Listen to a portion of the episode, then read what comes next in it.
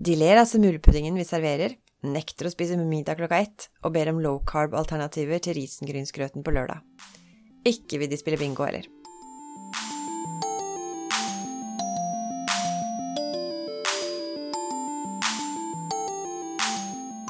Hei, og velkommen til Sykepleiens podkast.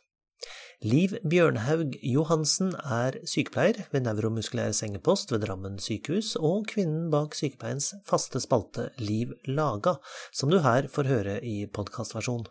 Denne utgaven har tittelen Vil gjerne være til bry, bølgen.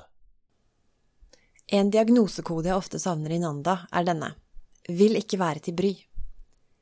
Den generasjonen som nå er i det som så pent heter den femte alderen, lider svært ofte av dette. Det er de som drikker så lite de kan for å slippe å be om hjelp til å gå på do.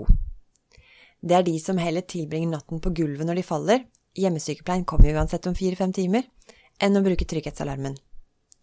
Smertestillende behøver du slett ikke hente, det går helt fint så lenge de kan sitte krokbøyd på sengekanten noen timer. Og henter du legen, vil de garantert benekte at noe er galt. Vil ikke være til bry-symptomet er helsemessig lite gunstig. De innlegger stadig med dehydreringstilstander etter sine bestrebelser på å få ned antall doturer. De får lungebetennelser av netter i kjellertrappa, og kroniske sår og kreftsvulster finner vi ikke før de er så store at de syns gjennom klærne og kan innrapporteres av pårørende. Men de er enkle i drift.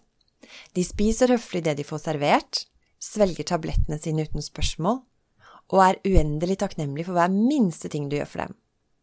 De finner seg i bingo, andaktsstunder og vaffeltreff, uavhengig hva de ellers måtte ha brukt fritiden sin på. De vil som sagt helst ikke være til bry. Vi har en eldreomsorg som er bygget opp rundt en generasjon av usedvanlig medgjørlige og lite kravstore mennesker. Og jeg kan avsløre følgende etter å ha observert den kommende generasjonen eldre. De er ikke slått over samme lest. Den kommende generasjonen gamliser sender gjerne spesialsykepleiere i en travel sengepost ut på en timelang leting etter en lader til iPhonen sin. De svelger ikke en tablett uten å vite hva den er for, hvem som har foreskrevet den, og om det faktisk er state of the art behandling av deres lidelse. De ler av semulepuddingen vi serverer, nekter å spise middag klokka ett og ber om low carb-alternativer til risengrynsgrøten på lørdag. Ikke vil de spille bingo heller. Jeg tillater meg en spådom. Det er ikke bare det at det er mange av dem som kommer til å bli problemet. De kommer til å forlange å bli behandlet som autonome individer, og det passer helt ærlig himla dårlig inn med hvordan vi har lagt opp eldreomsorgen, og ikke minst de rammene vi har å tilby omsorg innenfor. Vi kommer riktignok til å spare noen årsverk på at vi slipper å rulle hår og trekke nylonstrømper på skjelvende gamle ben, og kanskje kan vi håpe på at når den femte alderen omsider innhenter etterkrigsgenerasjonen, har de slitt seg ut og blitt redusert nok til å svelge sobrilen sin uten spørsmål og falle til ro i godstolen med rullekake og morgenandakt på radioen som sine forgjengere. Det var Liv Bjørnhaug Johansen med sin faste spalte Liv laga.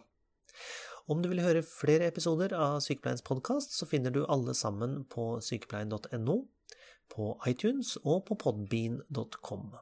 Om du bruker iTunes, så setter vi pris på en liten anmeldelse eller vurdering, og du kan også sende inn det du måtte ha av kommentarer og innspill til redaksjonen at sykepleien.no.